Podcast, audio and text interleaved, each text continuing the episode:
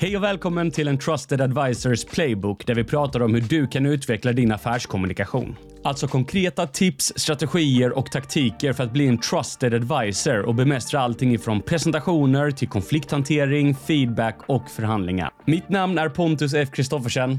Enjoy! Hur gammal är du egentligen? Du får inte vara så känslig.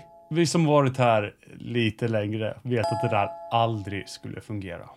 Samtalsklimaten är inte alltid optimala på våra arbetsplatser och jag tror vi alla kan känna igen oss i situationer där vi har fått en oskön kommentar kastad i vårt ansikte. Att förändra en, en företagskultur eller en hel arbetsplats, det är ett större projekt än vad jag kan hjälpa dig med i den här videon. Men vad jag kan hjälpa dig med är att lära dig att identifiera härskartekniker och hur du ska hantera dem bra när du ser dem. Oavsett ifall det är du som blir utsatt eller någon annan och du råkar vara i rummet. Ordet härskarteknik är ett väldigt laddat ord samtidigt som det har blivit utspätt. Alltså vi använder ordet för att beskriva att någon gjorde oss obekväma.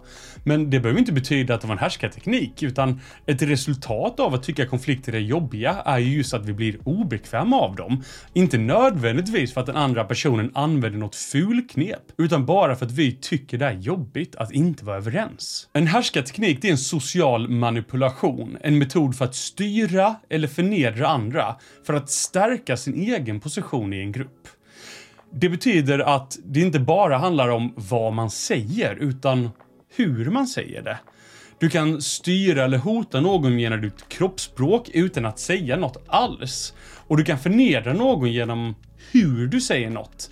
Samma sak kan sägas på olika sätt och det ger två helt olika resultat. Det finns två strategier som fungerar väldigt bra när det kommer till härskartekniker och osköna gliringar som uttrycks genom hur något sägs snarare än vad de säger. Och den första heter Vad hände där?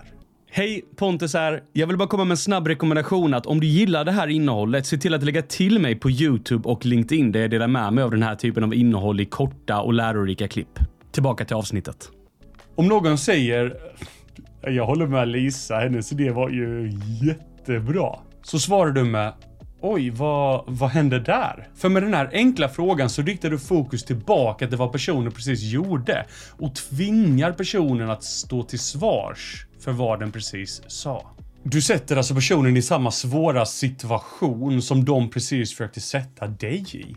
Den här kommentaren fungerar även utmärkt att använda när du är i rummet och hör en person uttrycka sig så här mot någon annan. Flytta tillbaka fokus och låt den osköna personen äga sin osköna kommentar. Strategi nummer två heter spegla tillbaka.